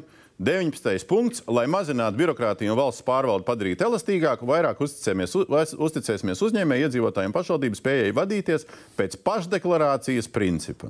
Precīzi. Tas ir punkts, labs. Labs punkts, bet, jā. bet, bet pieņemsim, tajā rīcības plānā varētu ierakstīt atbildes iesniegumiem septiņās dienās. Otrs punkts, ja, ja kāds cilvēks uzņēmums ir iesniedzis savus datus, citai valsts institūcijai nav tiesības jautāt otrais. Jā. Nu, konkrētas lietas, nu, konkrētas lietas, jo cik tam mēs esam salikuši digitalizāciju? Rostovs, Rostovs kungs, Jā. tas, ka notiek šīs septiņas dienas, tas kopumā to birokrātiju nesamazinās. Samazinās. Nu, Nu, Ā, tas palielinās īstenībā, ātrumu, nu, ekonomikas ātrumu. Tas, es jums varu pastāstīt mums jau, piemēru. mums, jā, mums jau tagad ir um, nosacīts, nu, ne nozars, bet, piemēram, iepirkumos. Tur jau šobrīd ir noteikts trīs dienu laikā vai pat mazākā termiņā jā, jāatbild. Ir, ir, jau, ir jau likumos. Kurš jau- Gribētu pateikt, kā dzīvē tas notiek? Nu, tad, kad ir Kurš to iepirkuma procedūrā, tad to arī Pusgads. Nē, nē, nē. Iepirkuma procedūrās pretendenti uzdod jautājumus, konkursos tur ir tas termiņš pietiekami īss. Tur jau nav nekāda Dabā tā nenotiek. Nu, kā nenotiek? Konkrēts, konkrē, kon, kon, notiek, kon, man konkrēts, konkrēts piemērs. Konkrēts piemērs. Kolēģi jautājums Igaunijas tieslietu ministrijai, kurā tiesā jātiesājās, atbilde angļu valodā pajautāja. Atbilde septiņās dienās lakoniski, tur un tur. Pa, otrā virzienā Igauni pajautā Latvijai. 30 dienās, 3 lapus puses, pirmā lapus puses gānās, kāpēc angļu valodā un tam līdzīgi. Tā ir tā atšķirība. Tas ir ātrums. Būtļaujās visās pozīcijās ātrums. Varbūt, varbūt es eh, neprecīzi izteicos, Jā. kāpēc man liekas, ka tas vien nesamazinās birokrātiju. Tāpēc, ka tas resurs, tas administratīvais resurs ir tāds, kā viņš ir. Un, ja nemainīsies noteikumi, kur mēs mazāk prasīsim visur atbildēt un visu, tā kā, Bet- eh, bet- bet tajā- visu vilksim bet- pa punktiem, tajā- tad mazāk vajadzēs rakstīt atbildes, un tad varēs arī atbildēt ātrāk. Nav problēma. Tas ir Tā- savstarpēji darām abas divas. saistīts.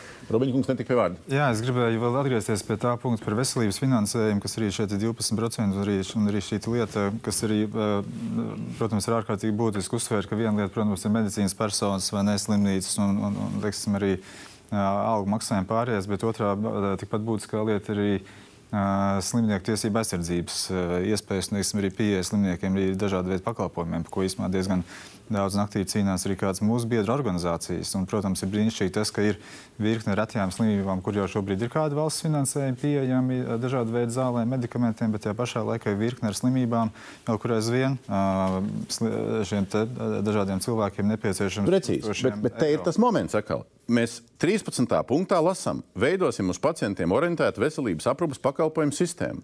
Un šie cilvēki var būt, ka uz viņiem kaut kas ir orientēts, un var nebūt.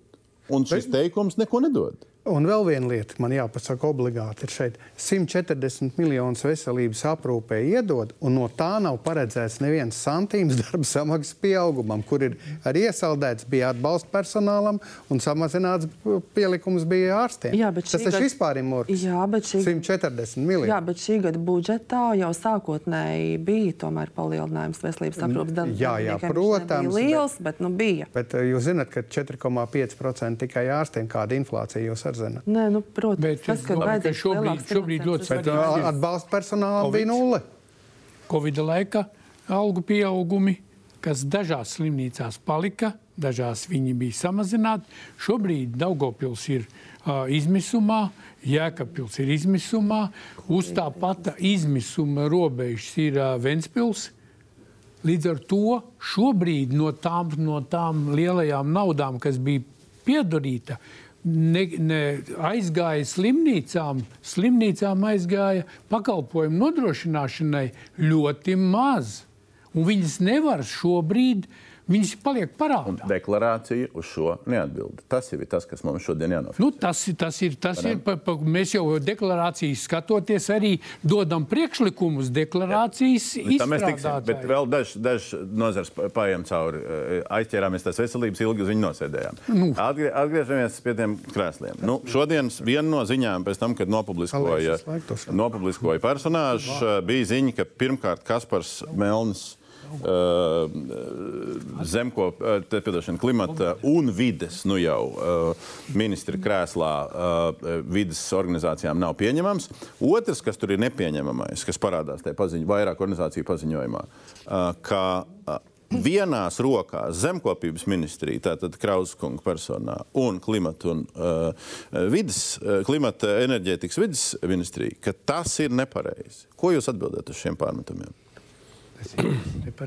Pirmkārt, par Kasparu Melni. Nu, te es atgādināšu dažas lietas, ka viņš ir uh, lauksaimnieks, kurš arī ļoti labi pārzina šos uh, vidas un uh, klimata jautājumus. Piemēram, lai jūs zinātu, viņš arī biogāzes asociācijā darbojās, kas ir asociācija, kur pārstāv atjaunojamos resursus. Viņš arī, arī Lopkopības saimniecība asociācijas jā, valdes priekšsādātājs. Jā, jā, jā. To, tātad, kas vistiešākā veidā ir klimata ietekmes mazināšana, kas ir, ja mēs runājam, piemēram, par uh, kūtsmēsliem, kura tātad tiek pārstāvta. Jūs noraidat. Jā, nevis aiziet gaisā. Tas, ko es gribu pateikt, ka viņam ir zināšanas un arī darba pieredze ar šiem jautājumiem. Un līdz ar to Uh, es domāju, ka nav problēmas no profesionālā viedokļa. Un Kaspars Melns savus pienākumus veiks ļoti labi. Izstāstat, vai nav problēma, un ja nav, tad kāpēc nav problēma sekojošā situācijā? Šīs, šī, šī vasara Eiropas parlaments pieņem uh, skatu regulu par dabas atjaunošanu. Latvijas visas lauksaimnieku organizācijas liela vēstule saka Eiropas parlamentam, ka tur ir muļķības priekš Latvijas, tur ir riski, tur ir uh, pārtikas ražošanai problēmas, apludināsim organiskās augsnes. To paraksta tā skaitā Kaspars Melnis. Nu, un visa industriālā lospas un zemnieku saima, un kas tik tur garš saraksts. Un tad ir otra vēstule ko parakstīja skaitā Krause, kā biškopju uh, organizē biedrības uh, pārstāvis un, uh, un bioloģiskie lauksaimnieki un, un dabas fonds, un saka, ka forša regula. Un tagad jūs esat pretējos resoros, bet atšķirīgās pozīcijās. Nav normāli īsti. Ne, Viens ZZS un divas pozīcijas. Tas ir ļoti labi. Starp citu, daudz kur Eiropā vidas jautājumi salikt kopā ar zemkopības jautājumiem. Piemēram, Vācijā. Daudz kur nav salikti. Nē, bet daudz kur arī ir. Piemēram, Vācijā ir pavalsts. Kā šis ir normāli? Ja? Pagaidiet, pagaidiet, paklausieties līdz galam. Ja? Piemēram, Vācijā ir pavalsts, kur ir vidas ministrija kopā zemkopības ministrija, jo tie ir ļoti cieši saistīti jautājumi. Nu, nevar katrs dzīvot savā pasaulē, jāstrādā kopā. Un arī par šo pašu regulu jūs pēc tam palasiet uh, ekspertu viedokļus un komentārus. Uh, kā tur eh, tas nav tik viennozīmīgi. Tur ir daudz, par ko var strīdēties, bet ir fakts, eh, ka tur arī publiskā telpā izskanēja nu, informācija, kas nebija tīri korekta. Tāpēc labi būtu, ja strādātu eh, kopā, un tad arī nebūtu šādi. Vides organizācijas mēs nepagavām pieaicināt, bet nu, es pieņemu, ka jūs varat drusku no tā sektora pārstāvēt šo. Jā, nu, faktiski, jā. Uh... Šo vēstuli sarakstījumu publicēja arī mūsu biedru organizācijas. Un, protams, ir to, ka šis viedoklis par Meļa kunga izvēli šim tematam, ņemot vērā arī to, ka tiešām ne, viņš arī ir bijis publiski pret arī šādas ministrijas izveidošanos. Tas, tas ir tās liels jautājums. Bet, bet, šis, bet šeit es gribētu iezīmēt vēl vienu būtisku lietu. Tas faktiski ir jautājums arī par tādas politikas veidošanas procesu un arī par mm, politiķu atbildību un attieksmi. Uh, sevišķi tajā brīdī, kad tas uh, notiekās par tādu ātru vai saistītu lēmumu pieņemšanu. Jo viena no tām lietām, arī, ko pirms kāda laika diskutējot ar valsts kancelēju, arī ko valsts kancelējas uh, cilvēki mums dalījās, skatoties, piemēram, pagājušajā gadā, pagājušajā kalendārajā gadā, pieņemsos ministru kabineta noteikumus, tad 48% noteikumu ir virzīti kā steidzamības kārtā. Tas vienkārši automātiski nozīmē to, ka, protams, ir virkne lietām, kas tiek virzītas steidzamības kārtā, vai ir virkne lietām, kas tiek izdiskutētas un pieņemtas bez sabiedrības iesaistes vai bez sociālo partneru iesaistes. Protams, to, tas raisa asas uh, pretreakcijas un arī raisa diezgan daudz jautājumus. Tā kā uh, jautājums arī ir uh, par šo te, topošo valdību arī jā, tā lieta, kur mēs kā Pilsoniskā alianses un mūsu biedru organizācijas, protams, daudz vēlētos un priecātos redzēt to, ka šādi te, steidzamības kārta izskatīto jautājumu skaits ir būtiski mazāks. Vai arī būtu vēl kāds cits, cits regulējums, kas parādītu to, vai kādu brīdi, kurā brīdī tiešām ir iespēja arī izteikties un sniegt arī šādus komentārus. Ir ko atbildēt? Par steidzamību es pilnīgi piekrītu, jo man liekas, ka tas ir ļoti nepareizi. Tā ir faktiski ierēdniecības nu, teikt, darbu vilkšana garumā un nesaulēcīga izpildi. Es esmu nu, savā politiskā karjerā vairākas reizes uz to norādījis, ka pēdējā brīdī atnes un pasaka, bija jau regula vai direktīva, teica, ka mums jau bija pirms diviem mēnešiem tas jāpieņem. Tātad, tātad būs tātad, savādāk steidzamības apjoms. Jā, saimā. Nu, skatīsimies, tas, interesanti. Pilnīgi nepieņemam, un es domāju, ka valdībai šajā ziņā ir nu, politiski mums ir jā, jāstrādā tā, lai ierēdniecība izdzīvotu. Un pa mēģinājumu pabeidzot, tas, ka vidas organizācijas iebilst, lai viņi iebilst. Tas, ka ZZS tur atzina tas zaļais barometrs pirms vēlēšanām pa visu švakā kompetentošā jomā, tas ir strūns, ko viņi te vēstulē raksta. Es Kamēr... minēju, pabeidzot par šo ministriju. Tātad šī ministrija ir, tur būs vairākas jomas, tātad klimats, enerģētika, uh, un vide, kas nāks klāt vēlāk. Un šī gadījumā es domāju, tiešām ļoti svarīgi ir izpratne par visām šīs, šajām trim jomām. Bet šie saka, ka un, nav izpratnes tās organizācijas vesels trīpa, saka, ka nav organizācija. Un jūs to lasiet arī izpratne. vēlreiz, tad um, mēģina profesionālo tā teikt, CV un uh, parādiet, ka viņš ir profesionāls, klimata jautājumos, enerģētikas jautājumos. Šie nesaprot visu, kas raksta, ka viņš nav profesionāls. Lai parunājās. Labi. Jā, es, es biju par principu. Mēs arī, eh, kad bija šis te eh, vēlēšana process, tad mēs ar visām politiskām partijām nu, parakstījām dažādus memorandus. Un vien no, viens no tiem punktiem bija, kad eh, mēs no LTRK puses prasījām nu, tādu, kā saka, nevis tādu tā kā saskaņošana, akceptēšana, bet tāda tā kā konsultācija nu, ekonomikas ministru un finanšu ministru jomā. Nu, tās ir tās tēmas, kas mums ir svarīgākas. Un, diemžēl tā politiskā kultūra ir nu, saka, pielemta un nolikt uz, uz galda. Ja, jo tādā ziņā man liekas, ka tās sadarbības. Nu, varētu pajautāt, nu, kas saka, nu, kas saka, ko jūs domājat. Ja? Un, un tas būtu vienkārši korektāk. Jo skaidrs, ka uh, mēs esam pieņēmuši, ka tā politiskā kultūra ir te, tāda, ja mēs, protams, mīcam tos māus, kas ir, ja, kas ienāk, bet normāli būtu nu, pajautāt, patestēt. Jo faktiski, ja industrija nav apmierināta, tad tur, protams, ir jau iebūvēts kaut kāds konflikts. Ja? Tieši uz, uz šī piemēra fona. Tātad, ja es pareizi saprotu, tad jūs kā uzņēmēji, kā industrijas, bijāt tie, kas uh, runāja par to, ka ir darba spēka problēma. It kā Kariņš iepriekšējā valdībā atsaucās, teica, mums vajag jūnija daži punkti, mums jārisina darba spēka pieejamības jautājums. Kas sevi ietver arī imigrāciju. Eviks Siliņš vēl pirms dažām nedēļām te sēdēja un runāja par imigrāciju. Šajā deklarācijā nekas par to nav teikts.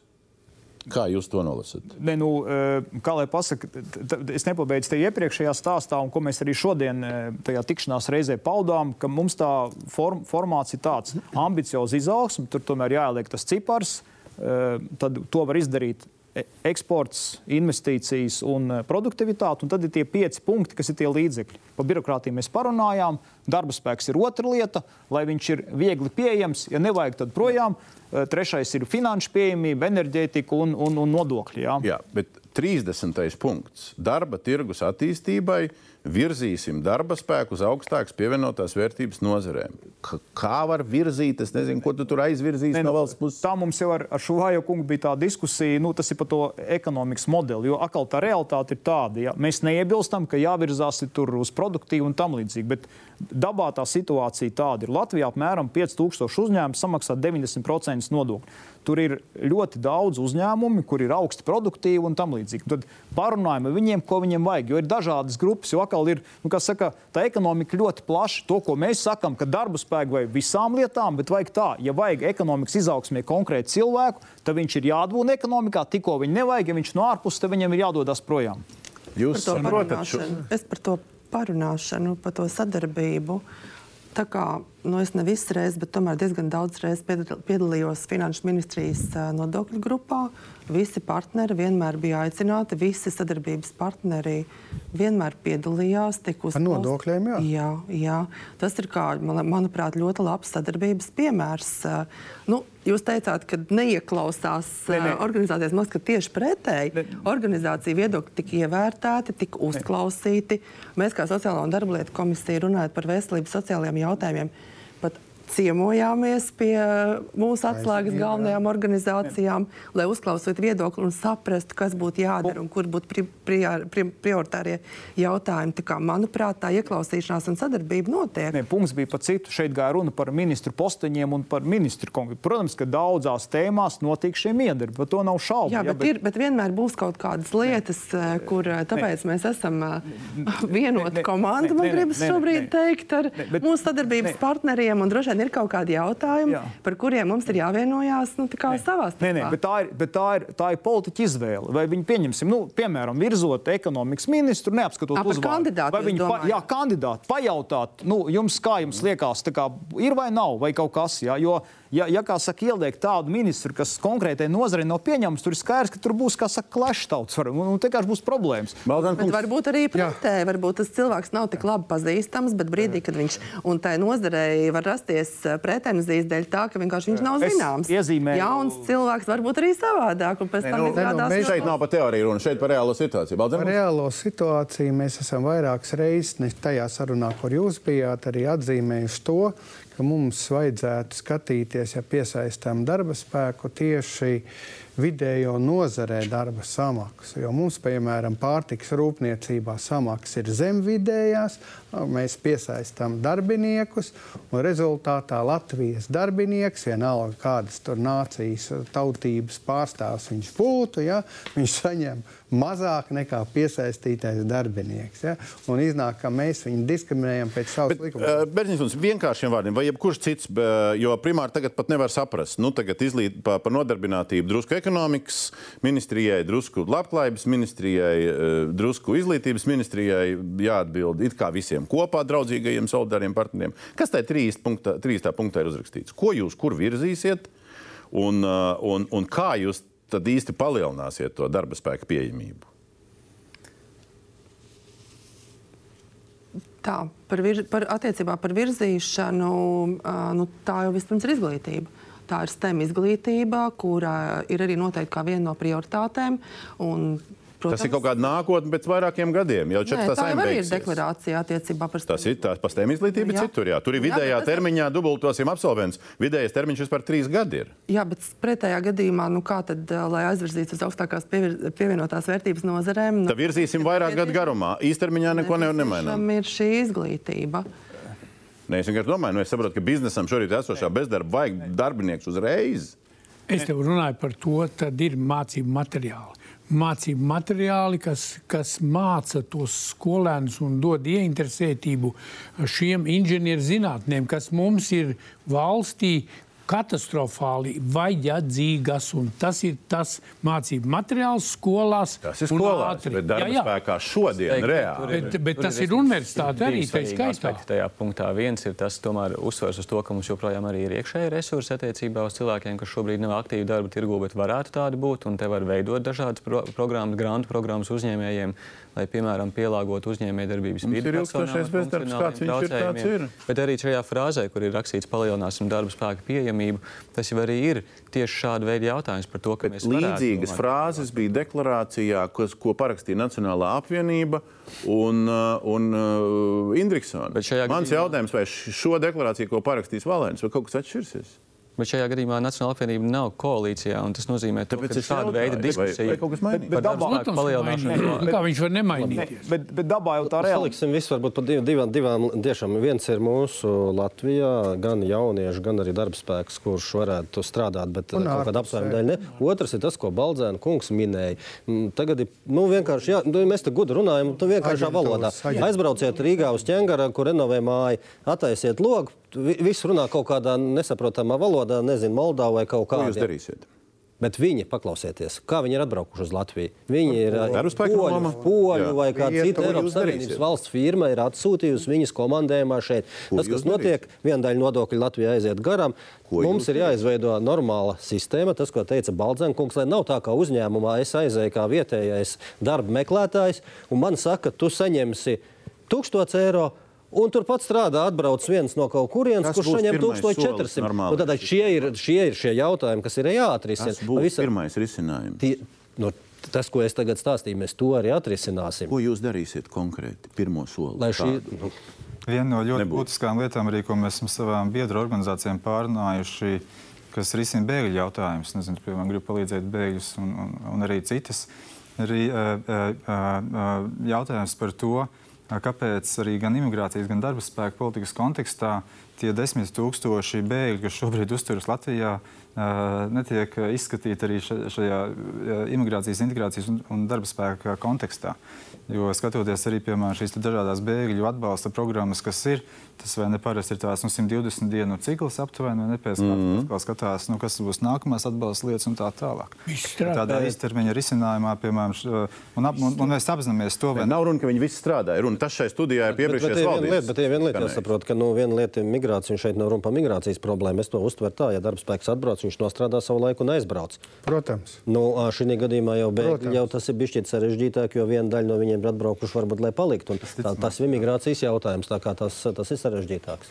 Labi, mums nav, diemžēl, ētera laiks uh, neierobežots un nevar izrunāt visu lietu, bet vienu lietu es vēl gribu noteikti uzstādīt, jo nu, tā beigās kaut kāda bumbiņa maz jāuzspridzina uz redzes beigām. Ja? Uh, nu, lai nu kas katru cilvēku skar, bet nodokļu skar. Te nodokļu darba grupa, kur visi draudzīgi runājuši, tika pieminēta. Ja? Nodokļu darba grupu veidoja iepriekšējā koalīcija. Nodokļu darba grupa radīja kaut kādu pusceļa rezultātu, kas publiski nav parādījies. Nodokļu politika šajā deklarācijā, eh, 36. punktā, saka, veidosim būtiskas izmaiņas nodokļu politikā vienu reizi četru gadu ciklā. Kādas būtiskas, lai kad tas būtu, nav pateikts. Nu, un tālāk palielināsim nodokļu ieņēmumus un vēl kaut ko, vēl kaut ko.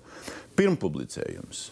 Mūsu rīcībā ir nonācis dokuments, ko Finanšu ministrija izplatīja. Četri scenāriji. Nodokļu versija. Ceturtais, nedaram gandrīz neko.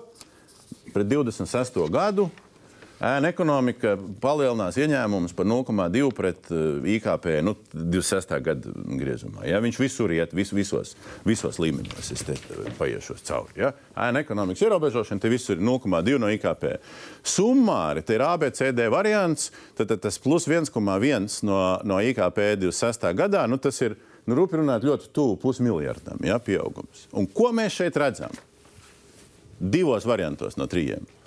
PVN standarta likmes izmaiņas ar plus zīmi. Tas nozīmē PVN palielināšanu. Savādāk to iztulkot nav iespējams. UN avanši, dividendžu aplikšana, plus akcijas nodoklis, dabas resursu bāze, transporta līdzekļu eksploatācijas nodokļu izmaiņas ar plusu. Nu, arī nevar iedomāties, ka tas ir kaut kas cits. Azartspēles tur 0,01 sastāvda tā. Un tad mīnusie tur diferencētie neapliekamie kaut ko tur bišķi, kaut ko tur mīnusos, mīnusos, bet mīnusos. Šis plāns kas saka nodokļu palielināšana, kas šis nesaka darba spēka nodokļu samazināšana, ko uzņēmēji un, un arotbiedrības ir runājuši. Ja? Šis plāns šobrīd tiek izmests miskastē, vai viņš jums ir darba materiāls un jūs ar viņu strādājat tālāk? Es šos plānus redzu pirmo reizi. Es arī neesmu redzējis. Tāpēc uh, es varu komentēt tikai deklarācijā rakstīto un attiecībā uz to, kas ir rakstīts deklarācijā. Vismaz no savas partijas perspektīvas, es pateikt, ka es esmu samērā priecīgs par šādu veidu frāzējumu. Jo, manuprāt, jebkādā veidā būtiskām izmaiņām ir jāatbild uz šiem trim jautājumiem. Vai tas palielina ieņēmumus, vai tas samazina ienākumu nevienlīdzību, un vai tas veicina konkurētspēju. Un, ja šāda veida būtiskas izmaiņas iziet cauri šādam trīs jautājumu testam, tad mēs varam runāt par to. Kādu nodokļu politiku paredz jaunā vienotība? Man gribētos teikt, ka šis uh, varētu būt kā darba materiāls, uh, jo diezgan liels darbs ir ieguldīts. Uh, bet, protams, jā, kā sadarbības partneriem ir. Kā lūdzu? Svītrot. Ko svītrot? Tos tur mīnus un pluszīmes. Strādāt pie jauna. A, jūs sakat pie jauna? Jā. Ko pārējie saka? Ne, nu, man, man ir jautājums šeit studijā. Koalīcija var godīgi pateikt, celsiet nodokli šī periodā vai nē? Tas ir pirmais. Jā. Celsiet vai necelsiet? Godīgi sabiedrībai. Es tikko atbildēju godīgi, manuprāt, kādam ir jābūt, ko nozīmē būtisks nodokļu izmaiņas. Tie ir šie trīs jautājumi. Vai tas palielina ieņēmumus, vai tas samazina, samazina ienākumu nevienlīdzību, un vai tas veicina ekonomisko konkurētspēju? Mēs sakām no savas puses, ka jādomā, kā palielināt ekonomiku, tad naudas būs vairāk. Palasiet Mortena Hansona rakstu, kā palielināt ekono, ek, ieņēmumus par 3 miljardiem, nepalielinot nodokļus. Tas ir Lietuvas piemērs. Ir arotbiedrībām pozīcija par šito te strādājot grupā. Veselībai, veselībai medicīnai visiem. mēs eh, teicām visu laiku vienu lietu, ka mūsu mērķis ir, lai būtu gan vidējā darba samaksas pieaugums, gan arī uzņēmēji darbībai nosacījumi. Tāpēc mēs runājam ne tikai par vidējo darba samaksu, bet arī par neapliekamā minimuma pieaugumu, taiskaitā vidējām algām un ievērojamu.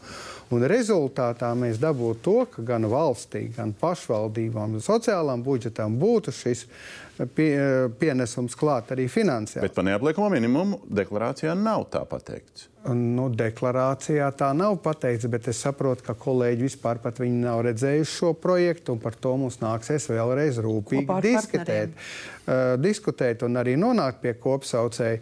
Jo tā būtība bija tāda, ka finanses ministrija tiešām bija ļoti bažīga par tām visām vajadzībām, kas ir tuvākajā laikā. Neslēpšu to. Ja? Es tagad nesaukšu nevienu uzvārdu, ja? un viņi saka, ka vajag vēl kaut kur arī ieņēmumus ņemt. Mēs atkal piedāvājām daudz dažādus variantus, kā varētu šos ieņēmumus pavairot arī citādāk. Vai tur būs vajadzīgs vēl kāda neproduktīva? Tā ir tiešām atsevišķa diskusijas vērts. Pilsoniskajā aliansē pozīcija par nodokļiem? Uh, mēs šajā darba grupā neesam bijuši iesaistīti, taču tas, pie kā mēs šobrīd arī ar kolēģiem paralēli darbojamies un strādājam, un tuvāko mēnešu laikā mēs arī sniegsim savus priekšlikumus, kas ir tēmas maz aizsargātos sabiedrības grupu uh, nodokļu jautājumu. Un tāpat arī otrā tēma ir par netradicionālo uh, nodarbinātību. Teiksim, faktiski nu, visiem tiem nodarbinātības veidiem, kurus nepārstāv arotbiedrības, vai tas ir nezinu, darba process caur digitālām platformām, mm. nezinu, tur taksometru pakalpojumu, teiksim, tās visas pārējās lietas. Labi. Uh, noslēdzot, mums Paš, pašvaldības. Pašvaldības saka, pašvaldībām mūžīgā cīņa, atdodiet vairāk iedzīvotāju nodokļu. Pašvaldības, nē, nē, tas, tas ir viens. Jā. Bet otrs ir uh, aicinājums visiem uzņēmējiem, lūdzu, maksājiet nodokli. Nu, aicināt, jā, bet, jā, jā, bet tas 0,2 iekonservētais, kad 3-4 gados ēna ekonomika pieaug par 6,8% un samazinājums 0,2 katru gadu. Labi, bet tā vai citādāk? Bez ambīcijām. Tā vai citādāk, rezumējot šo sarunu. Es saprotu, ka pēc arī šī rīta tikšanās un pēc deklarācijas izli, izlasīšanas tā vai, vai pirms deklarācijas uzrakstīšanas ir bijuši priekšlikumi, ir sūtīts vēstules. Šodien ir sūtīts priekšlikums, ka vajag vēl un vēl un vēl kaut ko pamainīt un pamainīt. Kas tagad notiks? Tas projekts, kas vakar tika izplatīts līdz piekdienai. Mainīsies, nemainīsies, mainīsies. maz, mazliet mainīsies. Nedaudz mainīsies. Nedaudz, šodien nedaudz pēc šodienas diskusijas. Nu, jāsaka, ka par cik deklarācijā tiešām nav daudz punktu, viņi nav gari, tad uh, mēs redzējām, ka visi partneri viņu bija izlasījuši un bija arī priekšlikumi, mums bija diskusija. Es domāju, ka viņi rītdien precizēsies un tiks publicēti. Rīt precizēsies no 39 punktiem, cik Nu, es droši vien nevaru nu, desmit, varbūt. Tas ir katrs ceturtais. Tas ir daudz. Tā ir visi tā, tā ir pozīcija. Jā. Tas ir ne, nu, salīdzināsim bet, rītā. Bet, bet nav jau ne, tā, tas ir tas, uzdevums. Ne, nav jau nu, tieši tas ir jā, jautājums. Tas ir nav jau notiks. tā, ka tas punkts uh, tiks nomainīts pret kaut ko kardināli pretēju. Bieži vien tie ir papildināti vai precizēti. Jā, vēlams ir detaļās. Vēlams ir detaļās Tāpēc mums no rīta bija saruna ļoti jā. laba, un es teikšu, ka pēc rīta diskusijas, nevis pēc šī vakara diskusijas, šeit pēc jā. šīs diskusijas. Nekas, ne, tas, ko no rīta mēs runājam ar sociālajiem partneriem un nevalstiskām organizācijām, tieši pēc šīs diskusijas arī mēs jau ir jau pierakstīts, un jau jūs jau redzējāt, Desmit punkti, vairāk punktu. vietas uh, mēs Mainīsies. uh, Pateiksim, kādu izdarīsim. Tagad jāuzsver. Līdzīgi Es piekrītat? nevaru pateikt, cik punkti. Jā, Bet es domāju, ka tās būs, tie būs precizējumi. Jā, nu, uh, sen nepieredzēts, ka tik īsā termiņā starp deklarācijas uh, projekta pirmpublicēšanu un starp saimnes balsojumu notiek šīs publiskās diskusijas. Nu, vienu dienu mums atliek, paskatīsimies, kādas tās izmaiņas būs. Es saku paldies visiem šī vakara sarunā, ka mēs nu, kaut drusku pa- parunājām, cik tālu sabiedriskās vai nevalstisko organizāciju intereses un, un koalīcijas uzstādījumi sakrīt vai nesakrīt. Es gribu noslēgumā piebilst, ka mēs turpināsim šajā studijā, ja piekdiena valdība apstiprinās, protams, ar atrunu. Mēs turpināsim detalizētāk preparēt, iespējams, arī ar klātesošām organizācijām un klāt nēsošām organizācijām. Tas būtu publisks uzaicinājums. Mēs mēģināsim iziet LSMLV speciāla izlaiduma formātā cauri tuvākās nedēļās visiem tiem resoriem, tām ministrijām, kur mainās politiskā vadība.